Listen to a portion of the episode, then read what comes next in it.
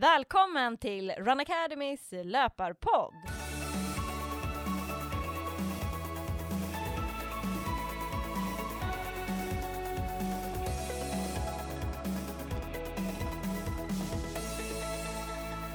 Det här är podden för alla er som gillar löpning. I dagens avsnitt så kommer jag, Petra Kindlund, som har startat Run Academy, tillsammans med Johanna Bäcklund att prata mer om träning för just olika åldrar och framförallt när man blir äldre. Så vad blir det här för spännande avsnitt Johanna? Ja, vi kommer att få lära oss en hel del. Vi kommer ringa upp Mikael som har väldigt mycket e- erfarenhet av, av de här grejerna och forskat kring det.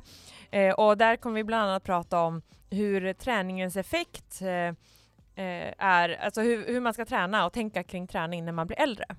Men också hur länge man kan förbättras och vad det kan göra för skillnad att börja träna när man är över 60-70 år. Mm. Och eh, Mikael Tonkonoga som vi ska ringa här, han är professor i medicinsk vetenskap med inriktning idrottsfysiologi vid Högskolan Dalarna. Och eh, han har bland annat slagit myten kring att barn inte ska styrketräna och har bevisat att det till och med kan vara nyttigt för barn att träna med tyngre vikter.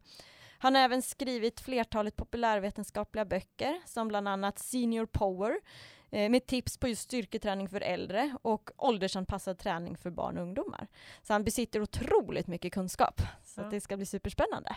Hejsan Mikael, det här var Petra från Run Academy. Och Johanna, Hej, hej. Hej! Vi tycker det ska bli väldigt spännande att lyssna på dig och vi funderar lite kring ålder och träning. Hur påverkas man när man blir äldre kring träning? Ja, det sker ju flera fysiologiska förändringar och i många fall så är det ju degenerativa åldersrelaterade förändringar som försämrar kroppens funktion.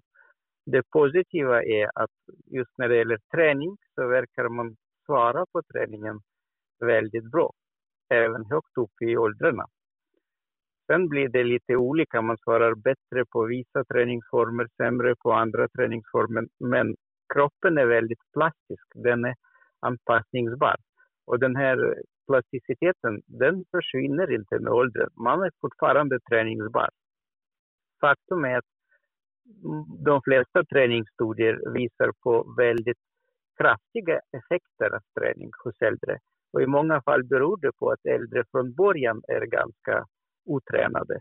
Och det innebär att minsta lilla fysisk aktivitet du gör får väldigt bra eh, resultat. kan man se någon skillnad i om man tränar kondition eller styrka? Ja, det verkar som om möjligen så finns det lite bättre träningsbarhet på styrkesidan.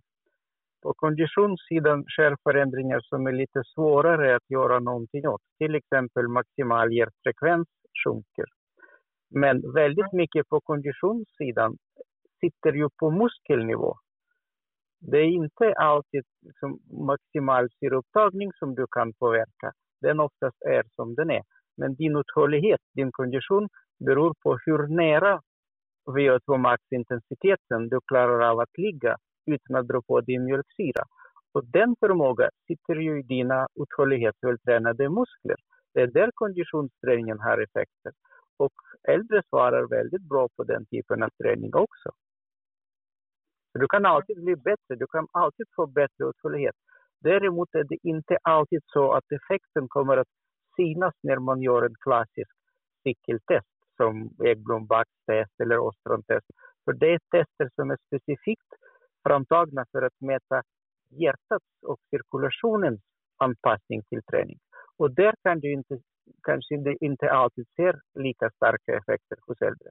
Men däremot de märker att de blir mycket uthålligare. De klarar av att springa snabbare, springa längre på grund av andra typer av anpassningar. Så träningsbarheten finns där.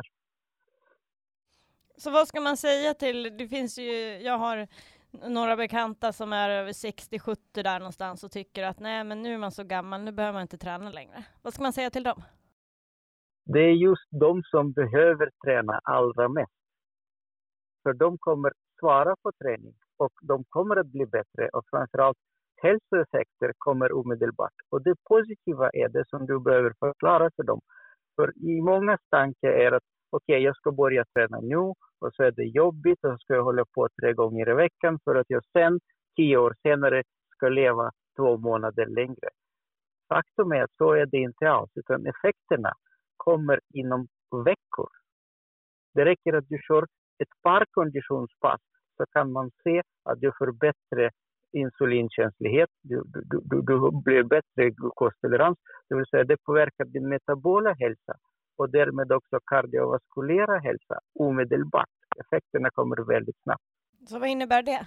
Det innebär att egentligen, det är ju äldre som är mindre fysiskt aktiva än unga.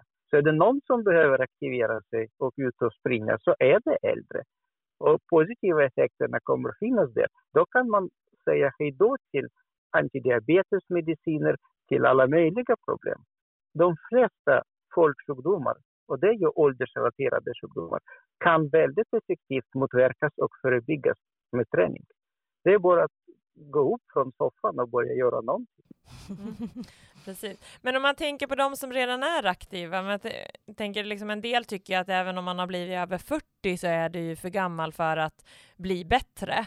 Eh, men det stämmer kanske inte riktigt. Och eh, vad kan man, alltså jag tänker de som redan tränar, vad är det viktigast att man fokuserar på när man, man säger att man är över 50 eller 45-50 år? Ja, dels har man sett att det blir mindre förlåtande om man gör avbrott. Om du är 20 eller 30 och får ett avbrott i träningen, du har lättare att komma tillbaka. För äldre är det ofta svårare. Det innebär att hellre se till att inte ta i för hårt så att du inte blir skadad och blir tvungen att vara borta från träningen. Hellre kontinuitet. Okay? Du behöver inte pressa fram resultat. De kommer i alla fall. Men det är bättre att du gör det regelbundet och undviker skador och undviker sjukdomar så du tränar utan avbrott. Sen blir det också mer kritiskt med kost. Träning är ju egentligen bara en signal till kroppen. Bygg upp någonting. Bygg upp starkare muskler, fler mitokondrier, fler blodkärl, starkare skelett. Men du behöver byggmaterial för att bygga allt. Och ju äldre man är, desto sämre är man egentligen på att ta upp näring i många fall. Så kosten blir ju viktigare. Man behöver vara noga med hur man äter i samband med träning. Och vad är det mer specifikt man ska vara noggrann med då? När man tränar och är äldre? Med kosten? Med kosten? Jo, du ska få i dig allt du behöver. Det vill säga fullvärdiga proteiner, bra med kolhydrater, alla vitaminer och mineraler, alla mikronutrienter. Och faktum är att ju mer du tränar, desto mer äter du. Det finns ju ett samband mellan hur mycket energi du förbrukar och hur mycket du får i dig. Och tränar du mer, då äter du mer. Och det innebär att du automatiskt får i dig mer vitaminer och mineraler. Så du egentligen, som när du tränar, löper lägre risk att få brist på vitaminer eller mineraler. Men du måste till, med ålder blir man sämre att ta upp proteiner. Det vill säga de här allmänna rekommendationer som står på Livsmedelsverkets hemsida. Du ska inte titta på den allmänna, utan vad är det som gäller för min ålder? Kanske lite högre intag av proteiner. Mer kalcium i maten. Se till att du får nog med D-vitamin, för det är där som det oftast fallerar hos äldre. Det är bara att äta bra, allsidig och varierad kost. Precis som träning ska vara allsidig och varierande så ska även kosten vara allsidig och varierande. Så, så fort någon börjar säga att min vanliga frukost är, då är det redan fel.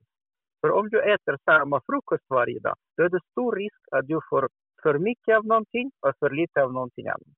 Du ska inte kunna berätta vad jag vanligen äter till frukost, för det ska vara olika saker varje morgon. Då garderar du dig. Oj då, så det gör jag fel. Jag äter havregryn varje morgon. Havregryn. Och det är fel. Då är det fel. Då får du för mycket av någonting som finns i havre och kanske för lite av något annat. Precis som, återigen, allsidighet och variation. Du periodiserar ju din träning. Du tränar ju inte exakt likadant från dag till dag hela året. På samma sätt, du ska inte äta samma frukost varje dag, för då blir det fel. Du ska äta havregrynsgröt ena morgonen, du ska äta någon annan typ av gröt en annan dag, du ska ta mackor och ägg.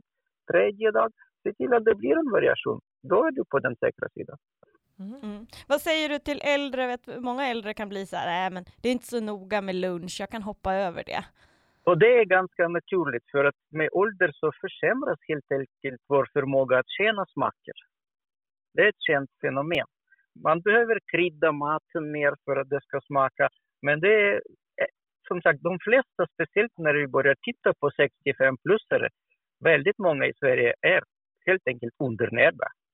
De får inte i sig tillräckligt med näring. De får inte i sig tillräckligt med energi, inte tillräckligt med protein och andra nutrienter. Det är där. Du ska inte gå på bara mättnadskänsla. Du ska vara noga och tänka på vad behöver min kropp och vad är det jag stoppar i mig varje dag. Om du inte äter rätt, då kan du träna hur mycket som helst. Det kommer inte ge några effekter. Du kommer bara värma upp universum och bidra till växthuseffekter genom att du andas ut mer koldioxid. ja, så det gäller framför allt också att man får i sig tillräckligt med energi. Ja, börja där. De ska börja där, men som sagt, det ska vara allsidig och balanserad kost. Man ska inte äta samma sak. Och väldigt många, när man blir äldre, det är ganska naturligt, man har skaffat sig sina kostvanor. Man vet vad man tycker om och vad man inte tycker om. Och då kanske man ska tänka, även om vi inte tycker om fisk så mycket, då ska man några gånger i veckan äta fisk i alla fall. Mm. Eh, det sägs ju att muskelmassan blir ju mindre med åldern, redan typ efter 30. Ja, den börjar sjunka långsamt efter 30. Men det blir oftast inget dramatiskt förrän man når upp till 55-65 års ålder. Då börjar det gå brant neråt. Men återigen, alla dessa effekter är fullständigt reversibla om du börjar träna och belasta dina muskler. Så får du dem. Du kan ju hitta äldre personer som är fantastiskt muskulösa. Son these boys, can't leave them bastards. A lot of dudes, just some undercover actress. I don't fall for it, I'm privy to all your tactics.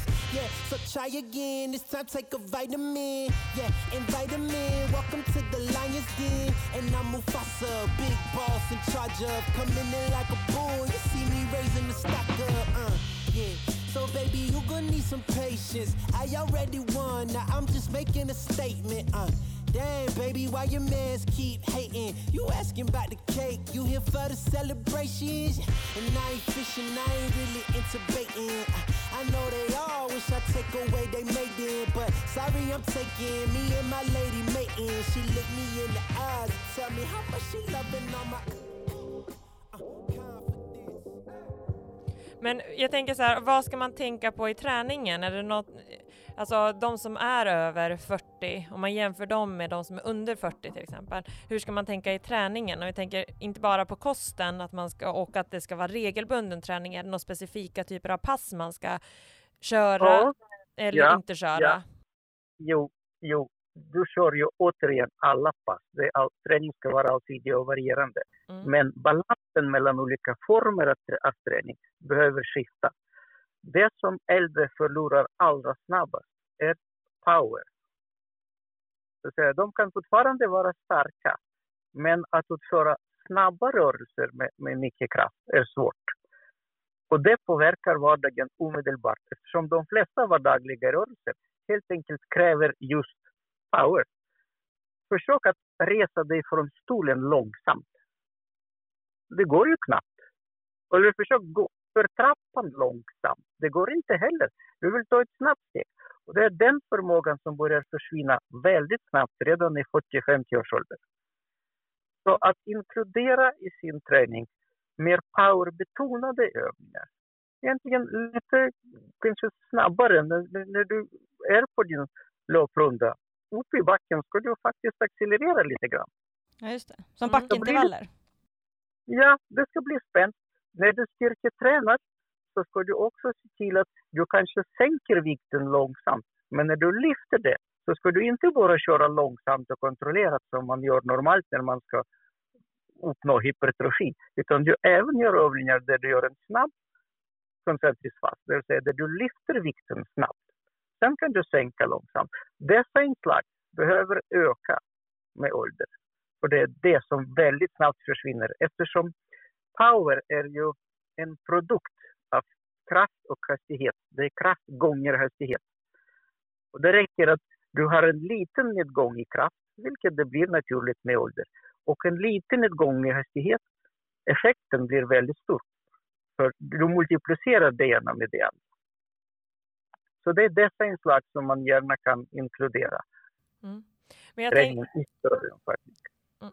Du, du, sa ju också att man, eh, om man blir äldre, att det är vik ännu viktigare med kontinuitet och regelbundenhet och att eh, ja. man ska liksom undvika att träna så man blir skadad. Eh, ja. Är det där någonting, jag tänker så här, behöver man ha längre återhämtningstid mellan tuffare pass när man blir äldre?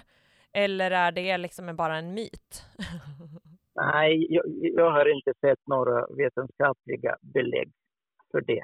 Det, det gäller egentligen samma som för alla åldrar. Man ska alltid anpassa träningsvolym och träningsbelastning till din nuvarande träningsstatus. Du ska inte träna hårdare eller mer än vad du tål.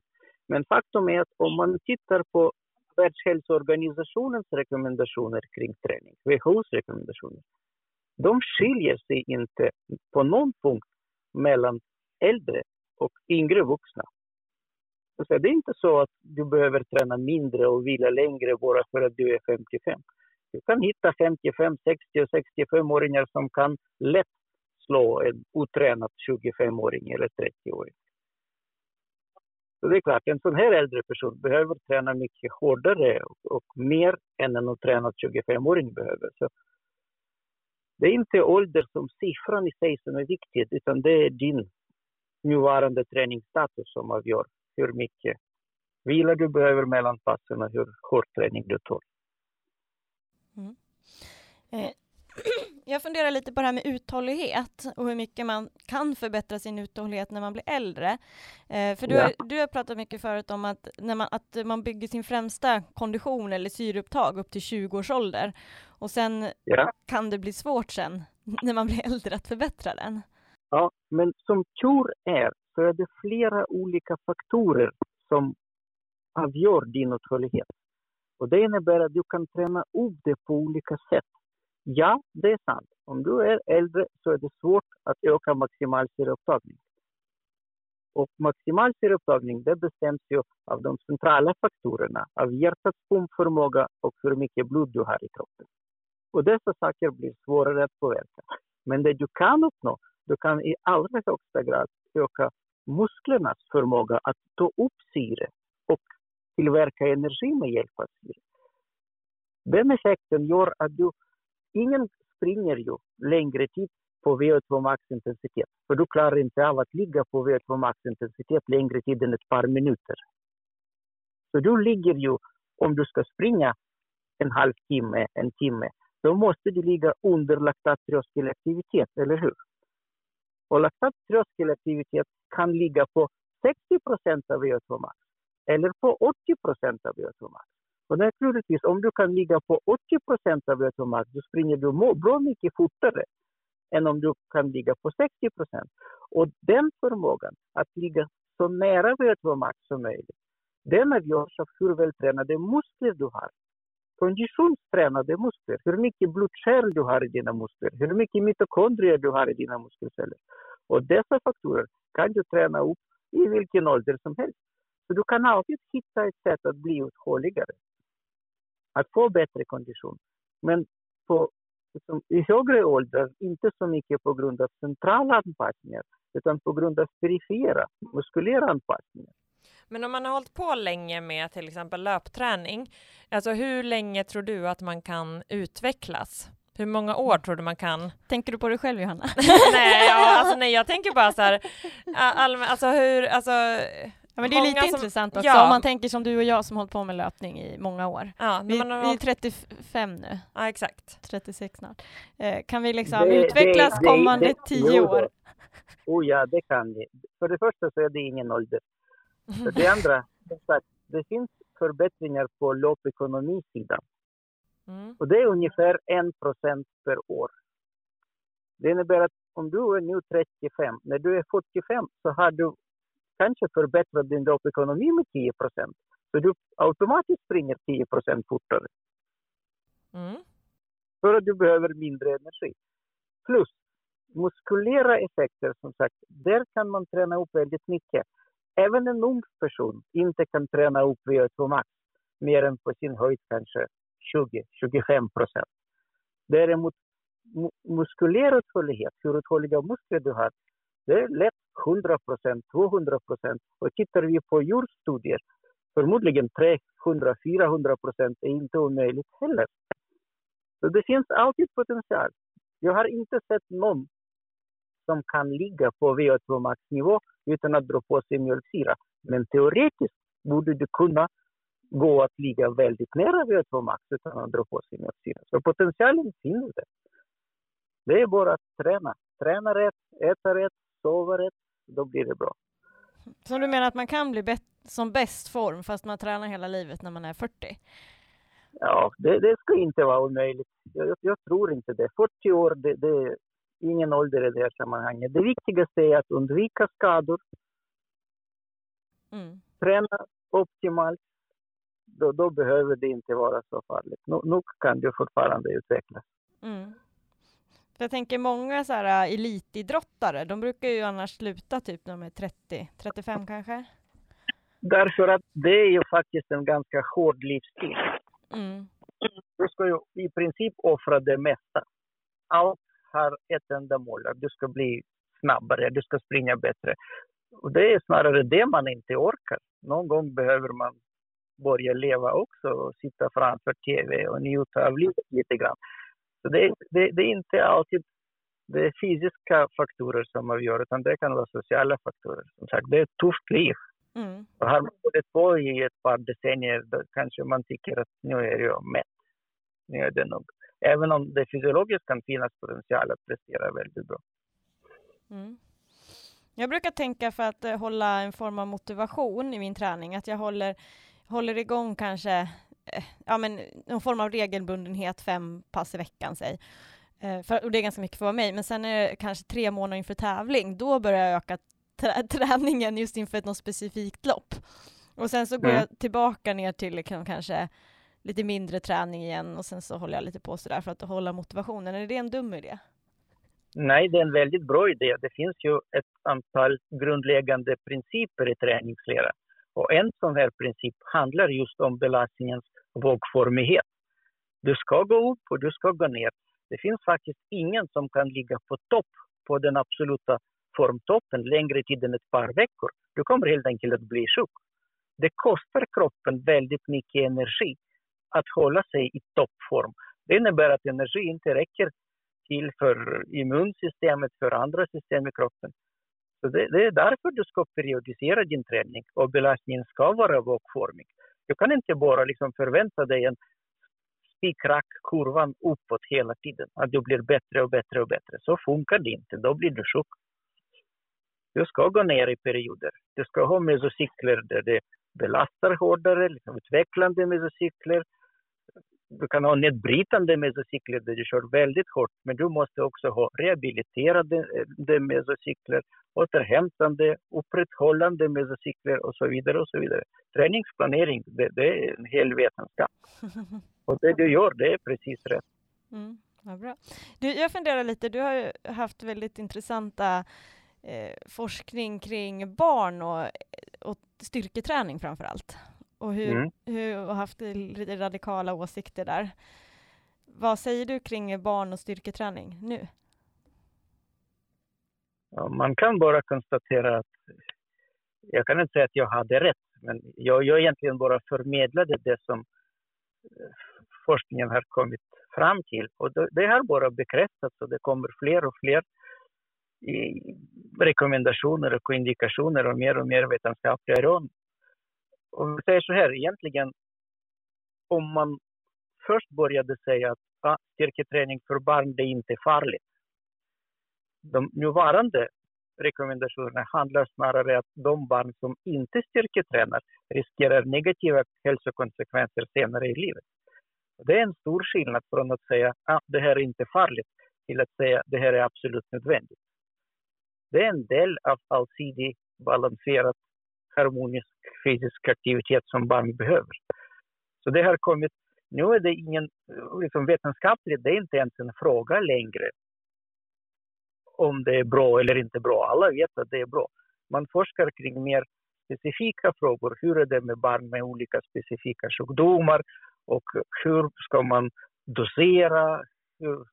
Det fanns ju ganska lite forskning på flickor för 5-10 år sedan. Nu kommer det ganska många studier som fokuserar just på flickor. Så Review-artiklarna kommer regelbundet. Det, det, är ett aktivt forskningsfält och mm. ingenting har förändrats så att man behöver ändra åsikten. Tvärtom, allt pekar åt samma håll. För... behöver aktivitet inklusive muskelstärkande träning. Ja, För förut så var det mycket så myter kring att barn inte ska ta några tyngre vikter, för det kan typ förstöra deras skelett. Det finns inga belägg för det. Men Nej. återigen, du kan träna vem som helst i vilken ålder som helst rätt, eller så kan du träna fel. Du kan ju överbelasta en vuxen individ, eller hur? Mm. Du kan lika gärna överbelasta yngre individ. Träning mm. ska ju återigen alltid anpassas till nuvarande träningsstatus.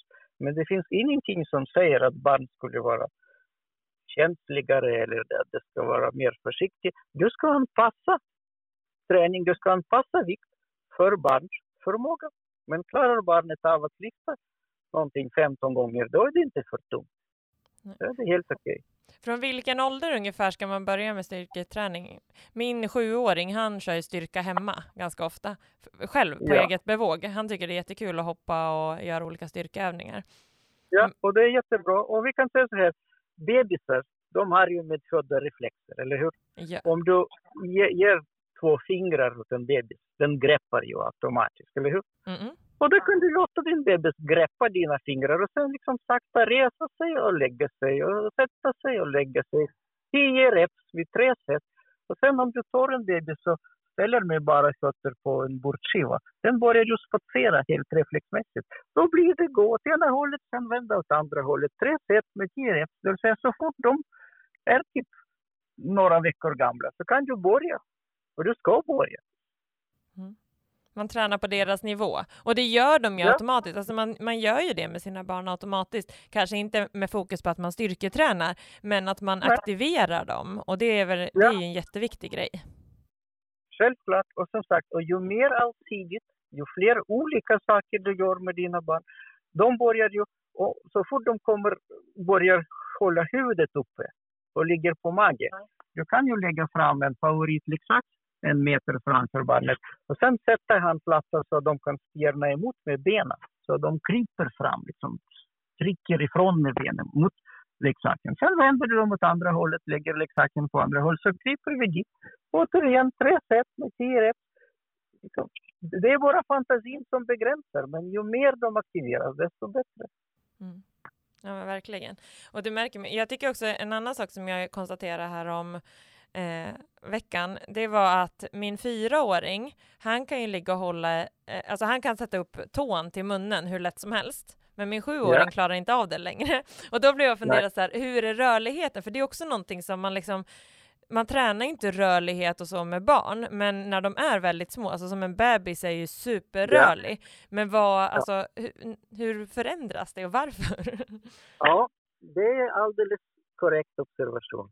Barn är som rörligast någonstans där när de är fyra, fem, sju år gamla. Sen börjar rörligheten att ta. Och eh, först vid eh, ryggradsböjningar och sen så småningom i alla andra leder. Och det som är intressant är att det är betydligt lättare att behålla den rörligheten man har som barn än att först stelna till, förlora rörligheten och sen försöka återfå den. Det krävs dubbelt så mycket tid, om jag minns rätt i studierna, för en 14-åring att uppnå 90 procent av anatomisk möjlig rörlighet jämfört med en 11-åring. Så det, liksom, det bästa är att upprätthålla, men rörlighet skiljer sig från andra fysiska kvaliteter på en viktig punkt. Ju starkare du är, desto bättre i alla lägen. Ju mer uthållig du är, desto bättre i alla lägen. Med rörlighet är det annorlunda. Att vara överrörlig har inga hälsofördelar alls. och inga några prestationsfördelar heller för den delen. Så med rörligheten, det är viktigt att få förståelse. Vad är den optimala rörligheten? Vad är okej? Okay. Okej, okay, det här är tillräckligt bra. Och då ska man försöka bibehålla det. Men att bibehålla rörlighet kräver att man lägger ner ganska mycket träningstid på det. Så det räcker inte. De här fem minuterna efter passet, men när man står och köjer eller rycker någonting, de gör varken till eller från. Utan det behövs ganska stora träningsvolymer. Och det ska göras regelbundet. Man kan inte hålla på och, och träna rörlighet och sen, oh, nu är det sommarlov. Det är då vi ses igen i augusti. När de kommer tillbaka är de stela som pinnar. Ja. Och det är väldigt svårt att få tillbaka det. Kontinuiteten är viktig. Mm. Men det är som sagt, lägger du ner 20-40 minuter per vecka på rörligheten, då kommer du behålla det ganska bra. Just det. För jag tänker också när man blir äldre, ännu äldre, mm. där över 50, då lär man ju också få sämre rörlighet. Ja. ja. Om man inte har kört rörlighet regelbundet? Ja, exakt. Ja. ja. Men eh, de flesta har ju inte det. Nej. Och då, men då är det ju så här att istället för att köra bara dutta lite här och dutta lite där så är det viktigare att man kör hela rörlighetspass. Precis, precis. Det är det. den här små körningar i samband med annan träning. Du kan få en akut ökning, du blir lite smidigare, men så fort du har svalnat igen, då, då kommer du vara lika stel. Det krävs som sagt ganska mycket, många stora volymer helt enkelt och relativt hög frekvens. Men det är klart, äldre i många fall blir så pass begränsade att det påverkar deras livskvalitet. De klarar inte av att knyta sina skor, de klarar inte av att nå upp en burk med silt på hyllan. Då får du lägga ner lite tid på det. Ja, superspännande. Mm, verkligen. Så intressant. Eh, har du något mer Johanna, du undrar? Ja, alltså jag skulle kunna undra hur mycket som helst, men jag tänker på det ämnet som vi ville gå igenom så tycker jag ändå att vi har fått väldigt mycket bra svar, svar och eh, som jag tror är väldigt intressant för våra lyssnare där ute. Mm. Så man, kan, man ska alltid fortsätta träna, hålla igång med träningen? Mm. Absolut. Det är aldrig för sent att börja. Nej. Regelbundenhet, allsidighet och kontinuitet. Y'all think too small, I got big dreams. You just starting, I'm way ahead at the end scenes. Started reading and dodging all of the quick schemes. Money like your Spotify boy, I got 10 streams. And I'm still looking for more. My people, they got a soar. I'm putting that on the Lord. Ain't accepting ignore, just kicking down all the doors. Guarantee you, boy, if I ask for it, it's gotta be real big. I gotta make it just for my kids and for their kids' just kids. That's wealth years and years. Promise my brother soon as he out finish this bid, we finna do it bigger than anybody ever did. The odds is real big. Jobs that's real big. Satan trying a little, my God is real big. Stayed up on the grind on the cars is real big. I gotta do it big. The only way that I can live. Ja, väldigt intressant att lyssna på Mikael. Ja, verkligen. Det är superspännande just det här med ålder. Och... Ja. Att det är aldrig är för sent. Nej, jag tycker det är rätt intressant. Alltså både, eh, både min mamma och pappa och min farmor eh, mm. är väldigt aktiva och har alltid varit väldigt aktiva. Och man ser ju så här, som han sa angående rörlighet bara. Mm. Min farmor har yogat i hur, alltså, hur länge som helst. Alltså jag kan inte, en timme varje morgon. Och hon är ju fortfarande, hon är snart 90 år och går upp och ner i en spiraltrappa varje dag för att komma hem, för hon bor liksom uppe. Så att hon har ju liksom, hon är ute och promenerar, hon har absolut inga problem med rörlighet, alltså hon, hon är hur smidig som helst. Ja, och sen eh, rör hon sig mycket så bygger hon också mycket styrka. Alltså ja, eh, och eh, jag tror också att liksom man, man minskar verkligen risken för många så sjukdomar som man, som man kan få när man blir äldre om man inte rör på sig. Mm. Och framförallt öka livskvaliteten. Ja. Alltså att man, att man blir piggare, man mår bättre, man, ja, men klarar av att bara resa sig från stolen. Liksom. Det är ju sånt som händer när man blir äldre sen. Om man inte rör sig, då klarar man ju knappt ta sig upp för stolen, man klarar knappt röra sig. Nej, så att det är, ja men verkligen. Och det är samma sak med min pappa som, ibland kan jag bli så när jag pratar med honom, han bara, jag ska köra, idag ska jag åka skidor, sen ska jag eh, gå på badminton och sen avslutar jag med vattenjumpa på kvällen. Jag bara, tre pass på en dag, okej. Okay. men han gör ju det, liksom, han aktiverar ju sina muskler, sen kanske det inte är så här intervaller och liksom högintensiv, men att han rör på sig så pass mycket eh, är ju helt fascinerande. Och även min mamma som är ute och promenerar och går på sina vattenjumpar och pilates. Jag tycker det är ett bra sätt att utnyttja sin tid som pensionär. Mm, verkligen. Eh, där håller jag på och försöker tjata lite extra på min far. Att han är lite periodare, han är väl inte jättefan av att, att träna en massa men jag försöker peppa honom, men det är svårt liksom, speciellt när man som dotter själv kanske.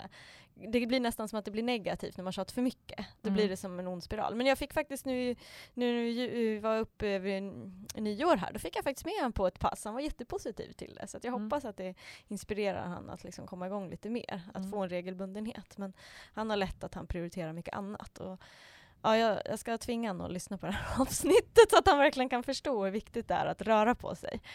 Men just det att, att också kunna unna sig saker, så här, då behöver man kanske inte tänka lika mycket på vad man äter. Mm. Eh, man ska ju äta allsidigt och varierat såklart, men att menar, man kan ju kanske unna sig lite mer om man också rör på sig. Mm. Eh, och det är också ett sätt att få livskvalitet. Eh, och, men just det att, eh, alltså för sin egen skull, det var ju som han sa, att bara på kort sikt, alltså bara några veckors träning ger ju jättestor effekt. Mm. Sen tycker jag det är intressant det här med kost just när man blir äldre, alltså när man blir över 65, 70, alltså den åldern. Det kan vara många som tänker att man ska hålla ner på kosten, man ska inte mm. gå ner upp för mycket i vikt, att det finns många risker med det. Eh, men här just också att det är så viktigt att man äter. Mm. Att det är ju nästan tvärtom, när man blir äldre så är ju mer risken att man blir undernärd än att tvärtom. Utan största risken för, för övervikt och den biten, det är ju egentligen kanske mellan 50-60 snarare. Mm. Och när man blir äldre, över 65-70, då kanske det är mer viktigt att man verkligen får i sig ordentligt, speciellt om man också tränar, alltså att man får effekt av träningen. Ja, verkligen. Mm, där ska jag tjata på min mors eh, eh, min mors gubbe nu lite, att han, han brukar nämligen inte äta lunch. Jaha, han hoppar över det? Ja, fast han tränar jättemycket. Ja. Eh, och jag tror att det kan nog vara bra för honom att få äta åt lunchen. Vi får se om jag kan ja. övertala honom med det. Får se om jag kan övertala min eh, mamma och pappa att äta lite mer varierad frukost, lika så mig själv. Vi är, vi är uppfostrade med samma frukost varje morgon och eh, jag, mm, 35 år jag nu ätit samma sak varenda morgon. Det, det är ja. lite intressant, min, eh, min son här nu på tre år, eh, eller två och ett halvt, Eh, han, han har ätit faktiskt havregrynsgröt nu varje morgon, ja. i, liksom varje dag, senaste ett och ett halvt året eller något sånt där. Men nu igår så vägrar han äta, så nu har han slutat äta havregrynsgröt. Han kanske känner att han måste variera mer. Ja, perioder. Annars kan man göra som Wilhelm som är sju år, de, när han slutar med välling, han drack välling all, eh, till frukost tidigare, men då har han också perioder, han äter typ samma frukost två eh, kanske två veckor och ja. sen växlar han och äter någon annan. Ja, just och just nu är han inne på att han äter olika saker varje dag, så man har aldrig någon aning om vad han ska äta och det kan vara allt med, från korv med bröd till äggmacka eller toast. Alltså, ja, han är så här, allt och eh, ibland äter han ingenting. Mm. Men när han äter så är det ju bra varierat i alla fall. ja, just det. Ja, nej, men det kan man ju tänka lite på, inte att uh, havregrynsgröt varje dag då. Men jag tänker man varierar ju maten annars ganska bra. Men det blir ju lätt att man äter så här, man har sina rätter, så man äter samma rätter hela tiden. Mm. Sina så van, vanliga rätter och så kör man på det. Så det blir ju rätt lite, lite samma kan det bli. Verkligen. Men jag tycker också jättemånga bitar av det här med träning, att man tror att många som också kommer till våra löpargrupper, så tänker ju att, eh, att det är för sent, alltså man kan inte bli bättre, du kan inte bli snabbare, mm. bara man är liksom 35-40 år. Mm. Att man eh, redan det, då har gett ja. upp. Ja, mm. eh, och så är det ju inte. Alltså det gäller ju verkligen att hitta, och det har vi ju sett många exempel på. Eh, folk som har tränat med oss som verkligen har utvecklats och blivit väldigt, väldigt mycket snabbare. Ja men det blir man ju. Mm. Men det, det, gäller ju liksom, däremot kan det vara så att det är någon som har tränat mycket när man varit ung och sen kanske man haft tio år man inte har tränat någonting. Och så tror man där när man börjar komma igång att man ska vara på samma nivå som man var för tio år sedan. Mm. Det är ju inte möjligt utan man måste ju liksom hålla igång ett tag. Mm, eh, men man kan ju ändå utvecklas från där man står just där och då. Ja, och då kan mm. man ju istället tänka därifrån. Ja, man kan ju inte jämföra från det man var tidigare. Mm. Om man inte haft en kontinuitet heller. Mm. Och det är ju verkligen något som är superviktigt, att få regelbundenhet och kontinuitet. Och det brukar vi prata väldigt mycket om. Det här att det är lätt att man blir perioder i sin träning, att man tränar lite jättemycket efter nyår och sen så håller, blir man sjuk eller någonting och så tränar man ingenting, utan istället liksom att man verkligen får till där att ja, men två, tre pass i veckan och verkligen håller i det hela, hela, hela tiden.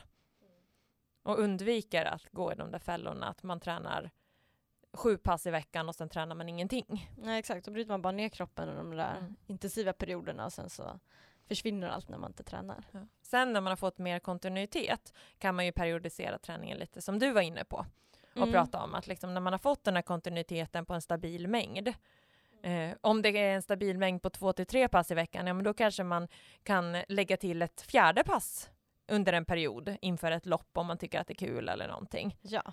ja, för det blir ju rätt psykiskt jobbigt om man ska ligga liksom på, på sin högsta liksom, träningsdos hela, hela, hela tiden och sen är det jätte, jättelångt fram tills, Mm. tills man ändå har något lopp. Så nu är det ju inga lopp, då kanske det inte finns någon anledning att man ska träna det här yttersta för att prestera max. Utan det viktiga är att man håller igång och sen när det börjar närma sig typ tre, fyra månader kvar, då kan man börja liksom lägga in lite extra och lite mer fokuserad träning. Mm. Och sen så kan man ta det lite lugnt. Det blir lite mer perioder också. Ja. Ja, så tycker jag själv att det är lite lättare att motivera sig. Att man, men, men det är viktigt att man håller igång. Det kan ju inte vara att man bara slutar träna. För då tappar man ju allt. Utan man måste ändå hålla igång. Ja men verkligen. Jag tycker också det är intressant här, med att man är så rädd att aktivera barn. Eh, där tycker jag också jättemånga, alltså så här, hur viktigt det är att man redan från när man är liten rör på sig. Och som han var inne på, styrketräning, alltså styrketräning är ju för ett litet barn eh, det de redan gör, att vara ute och leka till exempel, eh, är jättemycket styrka. Sen ju äldre man blir, eh, blir det ju också ofta, som i, i dagens samhälle är det ju många som blir mer och mer stillasittande. Speciellt när de kommer upp i skolåldern. Mm. Eh, och där, då krävs det ju mer träning specifikt. Mm. Och sen också när man inte rör sig någonting på dagarna. Nej. Man sitter liksom dels i skolbänken och sen sitter Mm. man sin iPad. Alltså, mm. Och det är ju liksom lite synd för att det är ju just under upp till 20-årsåldern som man liksom har som störst chans att bygga upp den här syreupptagningsförmågan och den Mm. är ju svår att förbättra sen. Mm. Så att det gäller ju att när man är ungdom att man faktiskt tränar upp den så har man en bra grund sen att stå på resten av livet. Mm, verkligen. Ja, ska vi försöka sammanfatta det här spännande avsnittet Johanna? Ja men verkligen. Det tycker jag. Eh, vi ska försöka sammanfatta det genom våra fem bästa tips då. Ja, för äldre, Ja, baserat på hans eh, svar här. ja. Eh, då skulle jag säga tips nummer ett, regelbundenhet. Mm. Mm. Att man får till en regelbundenhet. Ja. Eh, tips nummer två skulle jag säga, det är att man också fokuserar på styrketräning och framförallt när man blir äldre. Att man kör lite styrka och att man vågar få in lite den här power. Att man lägger in lite så snabba eh, intervaller i backe till exempel. Att man kör lite spänst, hoppträning. Så man får in lite sån här powerstyrka också. Mm. Och sen också att man är eh, variationen, allsidigheten. Eh, att man inte bara tränar samma sak. Utan att man får allsidighet och variation i sin träning. Mm. Och sen nummer fyra att man tänker på att när man blir äldre så försämras också rörligheten. Och att man då behöver faktiskt träna upp sin rörlighet. Men att, att det räcker kanske inte att köra liksom, tre minuters stretching efter ett träningspass. Den, den, träning, den stretchingen kanske inte ger så jättemycket. Utan då ska man liksom göra mer rörlighets rörlighetsträning. Vi har ju några så här rörlighetspass, yogapass och sådär på vår sida. Att man, man kör något mer sånt specifikt, gärna någon dag i veckan. Speciellt om man är väldigt stel av sig. Är man ganska mjuk av sig redan, då kanske man inte behöver fokusera så mycket på det. Och sam, eh, sen kosten. Att man har en allsidig kost, varierad kost, verkligen känna att man får i sig alla näringsämnen. Han var inne där på att man skulle verkligen se till att man får i sig kalcium och D-vitamin Mm, i just det. tillräckliga, tillräckliga doser också. Och att man kan, det kan vara så att man har ett lite högre behov av protein. Exakt. Så, det här var ett spännande avsnitt. Hoppas ni har fått lära er en massa. Hej då och tack för idag! Ja, tack för att ni har lyssnat.